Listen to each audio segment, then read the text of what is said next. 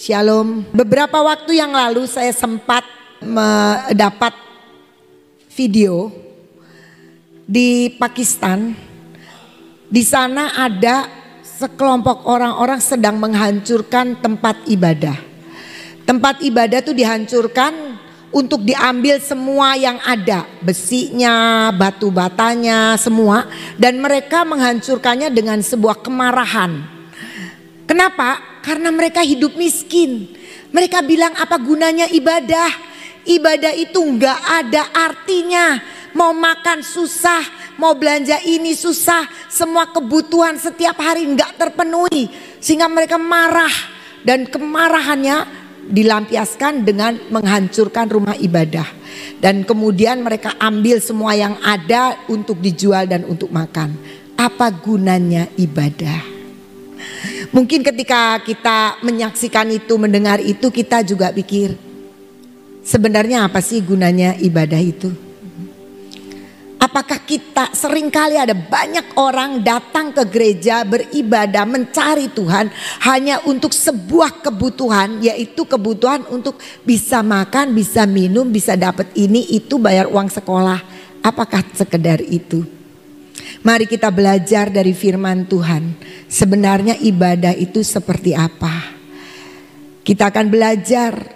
Kita akan buka dari 1 Timotius 4. Kita akan baca dari ayatnya yang ketujuh B dan 8. Itu yang tercetak putih ya. Dikatakan begini, latihlah dirimu beribadah. Latihan badani terbatas gunanya, tetapi ibadah itu berguna dalam segala hal karena mengandung janji baik untuk hidup ini maupun untuk hidup yang akan datang. Dikatakan di sini latihlah dirimu beribadah. Ternyata ibadah itu bukan sekedar ketika kita datang ke gereja. Ibadah itu bukan sekedar kita berdoa dan baca Alkitab setiap hari. Ibadah itu perlu sebuah proses dan ternyata ibadah itu adalah perlu dilatih. Coba kita baca dari terjemahan dari ayat yang sama terjem, terjemahan Alkitab yang terbuka. Dikatakan demikian, sama kalimat. Tetapi latilah dirimu untuk hidup dalam kesalehan. Jadi latihlah dirimu beribadah itu dalam terjemahan yang lain dikatakan latilah dirimu untuk hidup dalam kesalehan. Jadi ternyata ibadah itu bukan sekedar ketika kita datang dan hadir dalam acara-acara rohani atau ketika kita berdoa pokoknya kita lakukan yang rohani itu. Tapi di sini dikatakan bahwa ibadah itu melatih diri untuk hidup dalam kesalehan. Jadi apa artinya kesalehan? Kita tahu bahwa ibadah itu ternyata sebuah perilaku. Perilaku tidak di setiap hari Selasa sore di tempat ini atau setiap pagi kalau praise and worship atau di tempat-tempat lain kalau lagi PA, lagi ke gereja dan sebagainya. Tapi ternyata ibadah itu adalah sebuah aktivitas yang rohani, yang jasmani, yang gereja yang kerja, yang sekuler, seluruh perilaku kita. Bukan sekedar aktivitas pergi ke gereja melayani jadi penari, jadi pemain musik, jadi WL, bukan itu. Tapi perilaku yang terus menerus di sepanjang kehidupan kita. Waktu kita duduk, waktu kita berdiri, waktu kita kerja, waktu kita sekolah, waktu kita doa, seluruh sepanjang itu. Itulah ibadah dan dikatakan latihlah dalam hal itu dalam kesalehan katanya. Kesalehan itu cerita apa? Ya hidup yang benar. Kalau anak sekolah ya nggak nyontek, ulangan ya belajar. Jangan nunggu uh, cap cip cup aja hoki-hokian gitu ya. Enggak. Yang bekerja juga bekerja tidak memanipulasi, tidak berbuat curang. Timbangan Alkitab bilang Jangan timbangannya nyuri-nyuri. Hidup yang saleh itu sebuah perilaku yang harus dilakukan dan itulah ibadah. ibadah adalah sebuah perilaku. Seluruh aktivitas kehidupan kita, saat kita menyembah, saat kita memuji, namun juga saat kita bekerja, saat kita melayani, saat kita ada di sini, saat kita ada di luar, itu adalah ibadah. Karena itu saudara-saudara, demi kemurahan Allah aku menasihatkan kamu supaya kamu mempersembahkan tubuhmu sebagai persembahan yang hidup, yang kudus dan yang berkenan kepada Allah itu adalah ibadahmu yang sejati. Jangan pernah kita bilang bahwa kita sudah beribadah, sementara itu kita hidup amburadul. Sementara itu kita tidak pernah mempersembahkan tubuh kita menjadi satu contoh dan teladan bagi banyak orang. Kalau kita tidak pernah hidup dalam kejujuran, kita tidak pernah bekerja dalam kesungguhan mengikut sertakan Tuhan itu bukan ibadah, tapi dikatakan ibadah adalah ketika kita mempersembahkan hidup kita sebagai persembahan yang kudus yang berkenan kepada Allah, yang Tuhan mau. Berkenan itu Tuhan seret dengan apa yang kita lakukan. Oh boleh kerja? Boleh. Kerja apa saja? Boleh. Tapi kan ada pekerjaan yang Tuhan berkenan. Ada pekerjaan yang bagiannya orang lain belum tentu sama dengan pekerjaan kita. Jadi kita bisa melihat di sini bahwa ibadah yang sejati adalah ketika kita mengikut sertakan Tuhan dalam hidup kita. Yesaya 29 ayat 13 mengatakan demikian. Dan Tuhan telah berfirman, oleh karena bangsa ini datang mendekat dengan mulutnya dan memuliakan aku dengan bibirnya. Padahal hatinya menjauh daripadaku dan ibadahnya kepadaku hanyalah perintah manusia yang dihafalkan. Datang mendekat dengan mulut. Kita berdoa dengan mulut. Praise and worship kita naikkan pujian dengan mulut. Ya, memuliakan aku dengan bibir. Ya, kalau WL-nya puji-pujiannya ku kagum hormat akan engkau Tuhan. Nah kita ikut-ikutan. Tetapi hati kita ternyata nggak sungguh datang kepada Tuhan. Tidak sungguh mengagumi Tuhan. Tidak sungguh menghormati Tuhan. Itu bukan ibadah. Jadi ibadah adalah sebuah perilaku dari apa yang terlihat sampai kepada apa yang tidak terlihat. Yang tidak terlihat ya hati itulah tidak terlihat. Kalau pikiran, kalau hati nggak bisa dilihat orang. Sepertinya kita memuji luar biasa, tetapi sebenarnya hanya mengikuti apa yang dihafalkan, apa yang diperintahkan, dan itu ibadah yang palsu.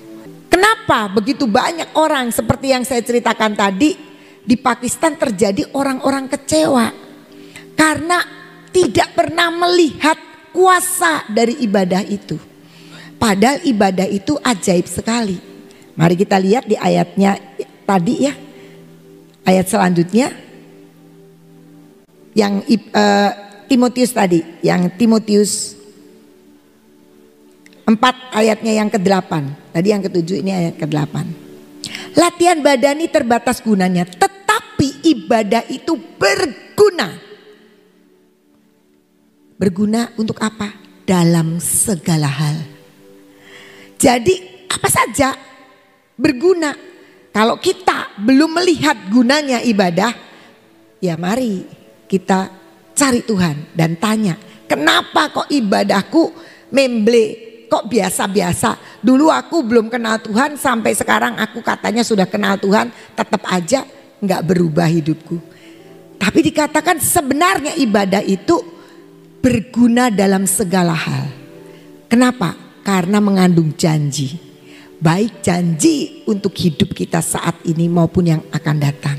Bukankah ketika kita masuk di tahun 2023 ada firman yang mengatakan janji Tuhan Tuhan punya janji. Perjanjian pelangi, ketujuh roh Allah. Kita punya janji dan dikatakan itu Itulah ibadah. Ibadah kita bukan ibadah yang tanpa janji, tanpa perjanjian Allah, tanpa firman, tanpa tuntunan dari Tuhan. Itu bukan ibadah, tetapi ibadah adalah apa yang kita yakini dan kita percayai dan kita terima firman itu dan firman itu akan menghidupi kita untuk sekarang maupun yang akan datang. Itulah ibadah. Ibadah itu berguna dalam segala hal. Segala hal berarti semua bidang kehidupan kita. Kita lagi ngadepin apa? Keluarga berguna untuk penyelesaian, pemulihan keluarga. Buat ekonomi berguna untuk menyelesaikan ekonomi. Enak ya? Enak sebenarnya. Tapi kenapa ya tetanggaku itu ngalami luar biasa, tapi aku kok nggak ngalami apa-apa? ibadah harus berguna dalam segala hal. Artinya ketika kita beribadah dan kita berperilaku seperti yang Tuhan mau, kehidupan yang salah itu pasti manfaatnya ada. Pertanyaannya, aku nggak ngalami ya mujizat-mujizat yang dialami orang lain. Orang lain datang ke taman Tuhan, kok bisa ngalami pemulihan, kok bisa ngalami kesembuhan. Tapi aku kok enggak ya. Padahal ibadah itu harus berguna untuk kita ngalami Tuhan. Jadi ibadah itu bukan sekedar untung supaya nanti hidupku, bisnisku jadi berkembang. Tapi supaya lewat hidup ibadah kita, kita mengalami Tuhan. Mengalami seluruh kerja dan karya Tuhan di dalam dunia ini. Saya percaya itu yang Tuhan mau dalam ibadah kita. Mengalami Tuhan. Ibadah itu perilaku yang terus-menerus kita bergantung dan selalu ada kontak dengan Tuhan dalam segala perkara. Saya percaya bahwa saudara juga dipanggil untuk mengalami Tuhan di dalam ibadah sehingga tidak akan terjadi mana sih Tuhan? Mana sih? Aku kok doa lama nggak nggak disembuhkan? Aku doa lama nggak ditolong? Kayaknya Tuhan nggak jawab. Percayalah Allah kita datang untuk memberi hidup dan hidup yang berkelimpahan. Dia tidak pernah menunda kalau dia menolong. Hanya di kita yang sering kali mengadakan penundaan karena nggak pas tepat target yang Tuhan mau dalam hidup kita. Nah, bagaimana ibadah itu bisa berguna? Kita baca 1 Timotius 6 ayat 6. Memang ibadah itu kalau disertai rasa cukup memberi keuntungan besar. Semua orang pengen untung besar. Ada di sini yang nggak pengen untung besar. Semua pengen untung besar. Dan Alkitab mengatakan ibadah itu kalau disertai rasa cukup memberi keuntungan besar. Apa artinya rasa cukup? Cukup itu tidak berlebihan. Pas itu cukup. Tapi rasa cukup itu adalah mentalitas hidup menerima semua yang ada. Jadi cukup nggak sama dengan rasa cukup. Rasa cukup itu ras, uh, mentalnya kita untuk selalu merasa cukup. Orang itu ya kalau cuma cukup ah nggak enak, cukup itu nggak enak. Aku mau yang berlebih. Semua kan pengen yang berlebih. Sudah dapat pengen motor dapat motor oh udah motor kurang pengen mobil dapat mobil udah dapat mobil kurang pengen mobil yang baru udah dapat yang baru kok tetanggaku mobilnya lebih mahal pengen yang itu nggak pernah cukup akhirnya yang dimaksud dengan rasa cukup ada mentalitas kita untuk hidup menerima jatah yang Tuhan berikan dari Tuhan. Jadi kita belajar rasa cukup itu adalah ketika kita selalu menikmati yang saat ini. Bukan nanti, nanti kan belum. Saat ini menjadi jatah kita dan Tuhan izinkan untuk kita nikmati.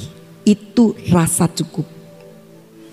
Kenapa Tuhan bilang harus dengan rasa cukup ibadah kalau disertai dengan rasa cukup Tadi dikatakan kalau disertai dengan rasa cukup memberi keuntungan besar.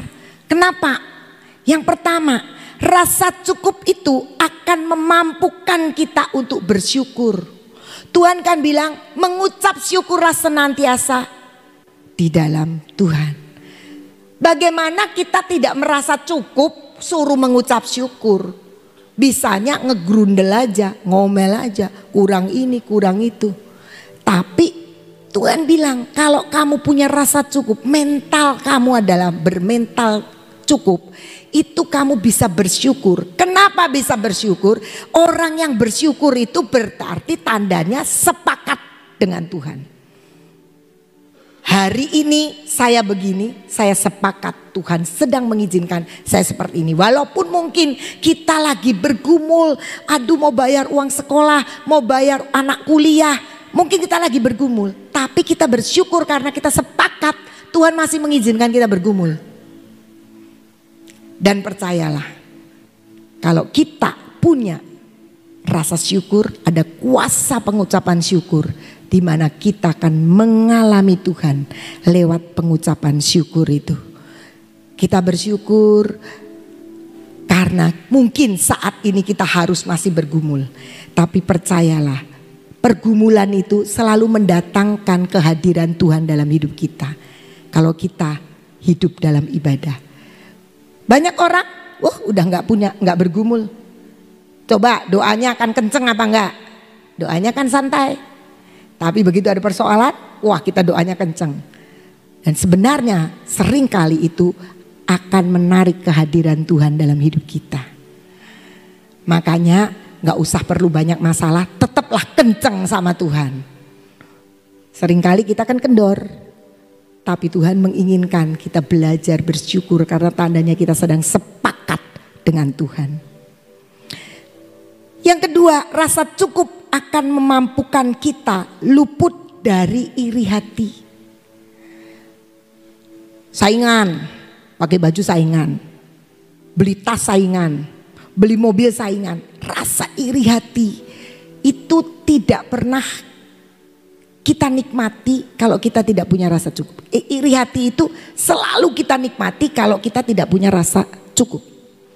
Tapi mari kita belajar untuk melihat bahwa Tuhan menyediakan yang terbaik buat kita. Pasti ada waktunya. Kalau kita merindukan hidup yang terus-menerus menikmati kebaikan Tuhan, pasti ada waktunya. Kita lihat 1 Samuel 18 ayat 7 sampai 9. 1 Samuel 18 ayat 7. Dan perempuan yang menari-nari itu menyanyi berbalas-balasan katanya. Saul mengalahkan beribu-ribu musuh tetapi Daud berlaksa-laksa. 8. Lalu bangkitlah amarah Saul dengan sangat dan perkataan itu menyebalkan hatinya. Sebab pikirnya kepada Daud diperhitungkan mereka berlaksa-laksa. Tetapi kepadaku diperhitungkan beribu-ribu. Akhir-akhirnya jabatan raja itu pun jatuh kepadanya. Sejak hari itu maka Saul selalu mendengki Daud. Saul ini aneh ya. Dia raja. Ya memang sama-sama ikut perang kalau Daud mengalahkan lebih banyak musuh. Kalau menurut saya sih sebenarnya seneng-seneng aja. Wang Daud kan anak buahnya. Biarin dia yang perang. Tapi dia tuh marah. Dia tidak pernah puas walaupun dia tuh rajanya. Kan kita sebagai pemimpin ya, kalau kita pemimpin, anak buahnya sukses kan seneng. Kita manfaatkan lebih hebat lagi, biar dia lebih lagi musuh dibanyakin sana. Uh, bisa apa memperluas daerah. Kan mestinya begitu. Tapi dia iri. Kenapa? Ini biasa kan ibu-ibu tuh reseh ya. Ibu-ibu kan ini kan bilang ibu-ibu perempuan-perempuan itu ya nyanyi-nyanyi itu bikin jengkel Saul. Saul mengalahkan beribu-ribu, wah dia bangga. Tapi Daud berlaksa-laksa, marah. Ya kadang-kadang ibu-ibu memang bikin gitu, bikin marah orang ya. Karena yang ngomongnya begitu, tapi mungkin faktanya memang begitu. Harusnya Saul Saul beribu-ribu, ya nggak apa-apa, aku rajanya, yang biar aja anak buahnya yang maju. Kan kalau berpikir normal menurut saya begitu, tapi tidak. Karena apa? Tidak punya rasa cukup. Karena Saul merasa saya harus number one. Padahal sudah raja, raja itu udah nomor satu, paling tinggi. Tapi dia iri. Loh kenapa ya Daud begitu? Ya sudah, mestinya kalau kata Daud ya kamu aja yang maju perang. Kan resikonya kan besar pasti Daud kan. Tapi dia tidak mau. Karena apa? Karena tidak punya rasa cukup. Dia iri. Dan orang yang tidak punya rasa cukup itu menjadi iri dan memusuhi Daud. Padahal Daud itu harusnya dimanfaatkan menjadi panglima perang yang bisa mengalahkan banyak hal. Gak bisa, gak bisa pikir begitu. Karena dia pikir saya dikalahkan Daud. Karena dibilangnya cuma ribuan aja. Daud lebih banyak. Rasa cukup tidak pernah dimiliki oleh Saul. Jadi Saul iri. Orang yang tidak punya rasa cukup gampang iri sama orang. Jadi kalau kita punya rasa cukup kita dimampukan untuk memahami semua jatah itu datang dari Tuhan. Rasa cukup juga memampukan orang untuk mengalahkan cobaan iblis. Rasa cukup itu mental hidup kita yang selalu bersyukur dan mengerti jatah yang Tuhan berikan, mengerti tuntunan Tuhan, mengerti apa yang Tuhan mau, panggilan Tuhan atas hidup kita. Dan mengalahkan cobaan iblis. Matius 4 ayat 3 sampai 10 kita baca. Lalu datanglah si pencoba itu dan berkata kepadanya, "Jika engkau anak Allah, perintahkanlah supaya batu-batu ini menjadi roti." Tetapi Yesus menjawab, ada tertulis manusia hidup bukan dari roti saja. Tetapi dari setiap firman yang keluar dari mulut Allah. Ini dulu. Ketika Tuhan Yesus dipimpin oleh roh kudus ke padang gurun. Terus dicobai oleh iblis. Iblis nyobainnya nggak begitu Yesus ada di padang gurun terus dia datang nyobain. Enggak, ditunggu dulu. Yesus kan puasa dulu 40 hari. Nah setelah 40 hari dikatakan Yesus ngapain? Lapar. Nah ketika lapar, orang kalau lapar paling gampang dikasih kepengennya apa? Pengennya makanan. Makanya iblis datang, nih kalau kamu itu anak Allah, kamu tuh bisa bikin batu ini jadi roti. Ngasih ide, tapi idenya bukan dari Bapak, Idenya bukan dari Roh Kudus. Cobaan yang pertama ini mewakili dari sebuah kelaparan dalam hidup kita.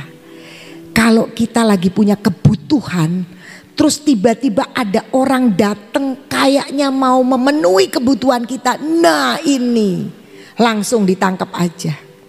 Padahal belum tentu itu. Jadi iblis itu pertama bisa menggoda kita itu lewat kebutuhan. Kebutuhan kita berusaha celah kebutuhan kita apa? Oh kita lagi kecewa butuh teman carinya kasih teman yang sama-sama kecewa. Bukan cari orang yang akan menyelesaikan yang kecewa. Sebab apa? Nanti kalau dikasih orang kecewa, nah sama kan? Sama Nah makanya udahlah gak gereja-gerejaan, gak alkitab-alkitaban. Kamu toh dikecewakan. Orang Kristen itu mengecewakan. Ibu Nani mengecewakan. Pak Gideon mengecewakan. Ibu Ina ya sering mengecewakan. Ketemulah sama orang-orang yang barisan kecewa. Dan itu dipakai iblis. Kelaparan kita apa? Kebutuhan kita apa? Kebutuhan kita untuk dibenarkan. Nah dibenarkan jadinya ya dikasihlah orang-orang yang kita anggap sepaham dengan kita. Sama-sama kecewa, sama-sama khawatir, sama-sama tidak uh, sukacita. Ada banyak orang dan itu dipakai sebagai celah buat iblis untuk menggoda kita. Hati-hati. Kalau kita tidak punya rasa cukup, maka e, iblis akan mencari celah dari kebutuhan kita. Dia tahu kebutuhan diserongkan aja. Yang kedua, kita baca selanjutnya. Kemudian iblis membawanya ke kota suci dan menempatkan dia di bubungan bait Allah. Lalu berkata kepadanya, "Jika engkau anak Allah, jatuhkanlah dirimu ke bawah, Sebab ada tertulis mengenai engkau, ia akan memerintahkan malaikat-malaikatnya dan mereka akan menatang engkau di atas tangannya supaya kakimu jangan terantuk kepada batu. Yang kedua adalah iblis itu akan menyelewengkan firman. Menyerongkan firman. Nah, bagaimana kita bisa diserongkan firman? Kalau kita nggak pernah baca firman. Kita nggak pernah tahu. Kita tidak bergumul dengan firman Tuhan. Jadi orang ngomong ya benar.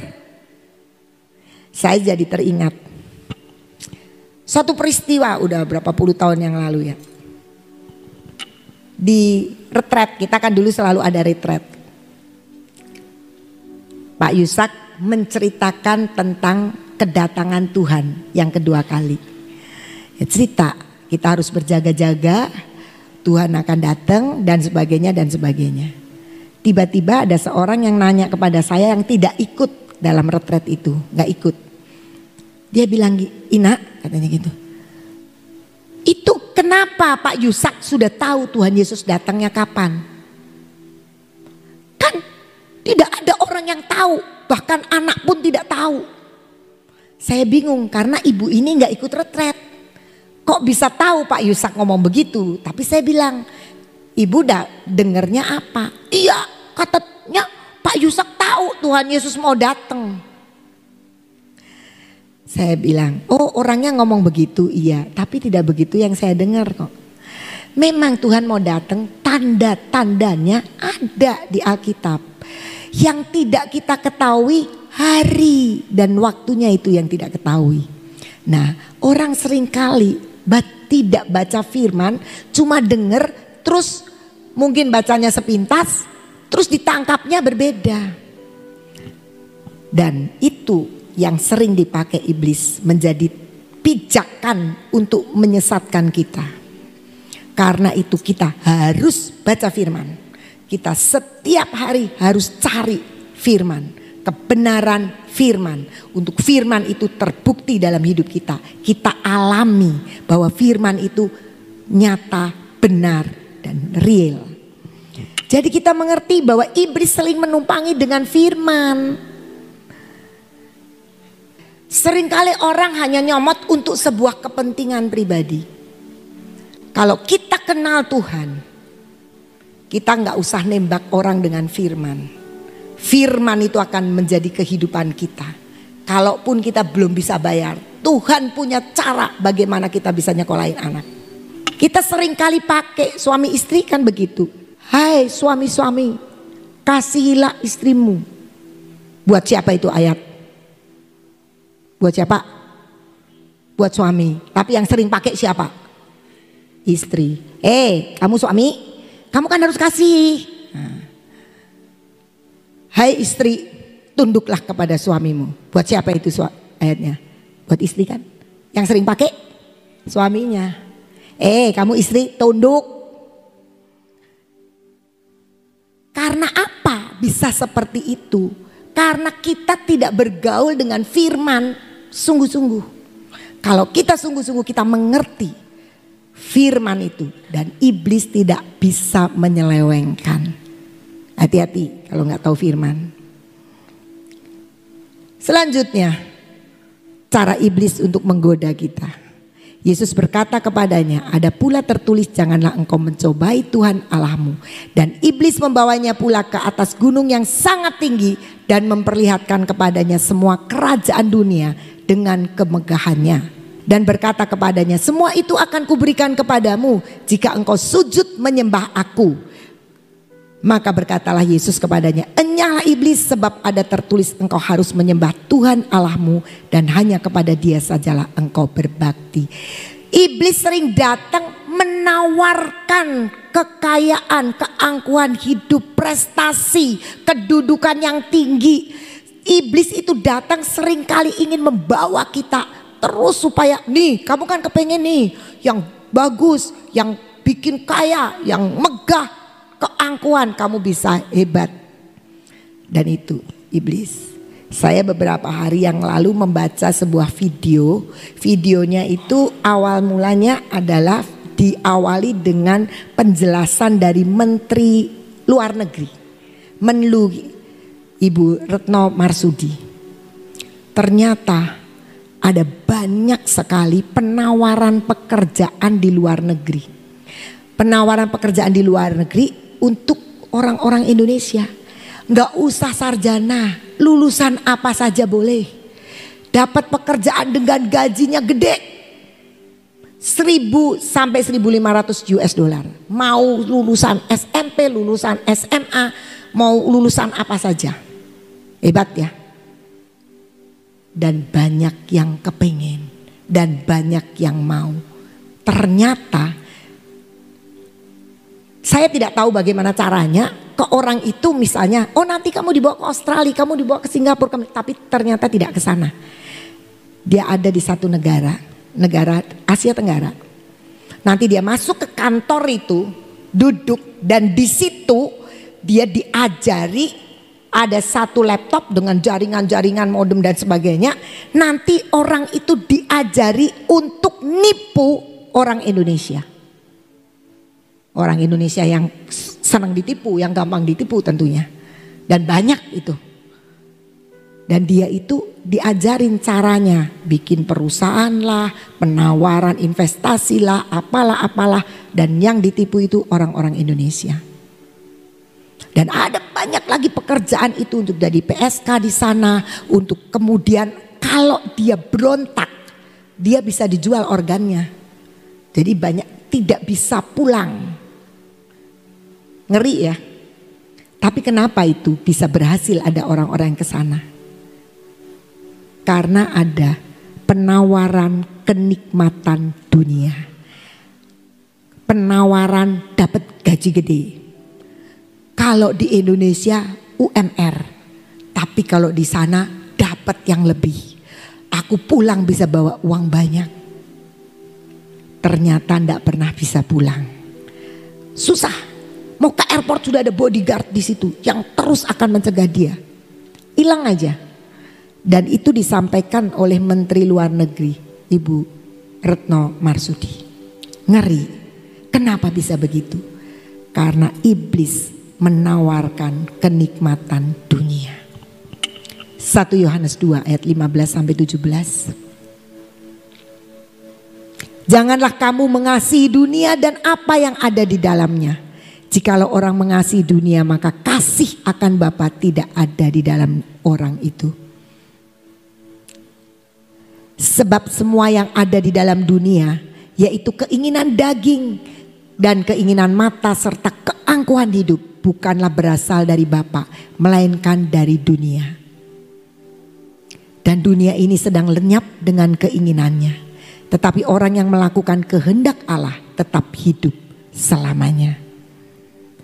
Ada begitu banyak orang dipacu untuk dapat lebih, dipacu untuk bisa punya keinginan yang macam-macam. Kita nanti jadi hebat dan sebagainya. Tapi sekali lagi, ibadah perlu disertai rasa cukup. Apakah itu bagian kita? Oh, kalau gitu sekarang hati-hati ya kalau ditawarin kerjaan di luar negeri. Bukan soal hati-hati nggak hati-hati. Apakah itu bagian kita?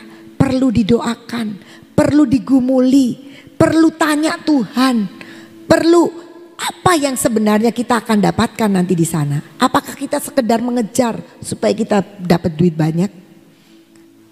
Keangkuhan hidup. Keinginan daging. Mari miliki rasa cukup. Karena dikatakan kalau ibadah punya rasa cukup. Besar keuntungannya. Kita akan mengalami begitu banyak hal yang luar biasa bersama Tuhan. Dan kalau kita ngalami Tuhan, saya percaya kita semua nggak akan pernah mau menukarkan persekutuan dengan Tuhan dengan apa pun yang ada di dunia ini. Sebab dia yang sudah memanggil kita menjadi anaknya adalah Tuhan yang selalu memberi yang terbaik. Yesus datang untuk memberi hidup dan hidup yang berkelimpahan. Kita tidak pernah kekurangan dan kita tahu bahwa Tuhan itu punya standar yang hebat untuk setiap kita. Filipi 4 ayat 19. Tadi pagi bom-bom pakai ayat ini dan mengingatkan saya. Allahku akan memenuhi segala keperluanmu menurut kekayaan dan kemuliaannya dalam Kristus Yesus. Dikatakan Allah itu memenuhi hidup kita, keperluan kita itu dengan standar kekayaannya, dengan standar kemuliaannya. Saudara-saudara, kalau kita misalnya kita punya bapak ya, gajinya 10 juta. Dia akan kasih kita, percayalah, bapak kita pasti mau memberi kepada kita. Tapi standarnya dia cuma 10 juta. Jadi kepada anak-anaknya mungkin kasih uang jatat, jajan 20 ribu lah sehari. Karena dia cuma punya uang 10 juta. Tapi kemudian kita punya bapak yang punya penghasilan sebulan 100 juta. Mungkin kita akan dikasih jatah setiap hari 100 ribu. Karena apa? Karena standarnya dia 100 juta untuk dia miliki. Jadi dia akan kasih. Tetapi kita punya bapak yang punya langit dan bumi. Yang menciptakan semua yang ada Kekayaannya tidak terbatas. Dan dia bilang, aku akan memenuhi segala keperluanmu menurut standarnya dia. Kekayaannya, kemuliaannya dalam Kristus Yesus. Jadi artinya kita akan mendapat semua yang terbaik. Persoalannya hanya begini, lah kok saya belum dapat? Yang lain dapatnya gede kok saya belum dapat? Mari kita kembali mereview. Seberapa jauh kita mengenal Tuhan, seberapa jauh kita bisa dipercaya oleh Tuhan, seberapa jauh level kita hidup, seberapa kita mengerti bagaimana kita menggunakan semua anugerah Tuhan, seberapa kita mengerti mengelola panggilan kita, seberapa kita mengerti, nggak cerita duit aja loh ya soal kepercayaan panggilan, soal bagaimana Tuhan memakai kita, itu juga nurut ukuran yang kita punya dan mampu untuk mengerjakannya. Jadi keperluan kita dalam bentuk apa pun juga Tuhan akan berikan dengan standarnya Tuhan. Tapi sekali lagi seberapa besar kapasitas kita itu juga menentukan. Bagaimana kita meningkatkan kemampuan kita Mari kita terus beribadah dan selalu dengan rasa cukup. Rasa cukup bukan karena cukup semua nggak boleh lebih. Tapi rasa cukup adalah mentalitas hidup kita. Mari kita genapkan apa yang Tuhan mau dalam hidup kita. Kerjakan apa yang Tuhan berikan sebagai jatah kita. Kalau jatahnya masih kecil, bersyukurlah sepakat dengan Tuhan. Memang aku masih kecil. Tapi percayalah kita akan terus dibawa to the top.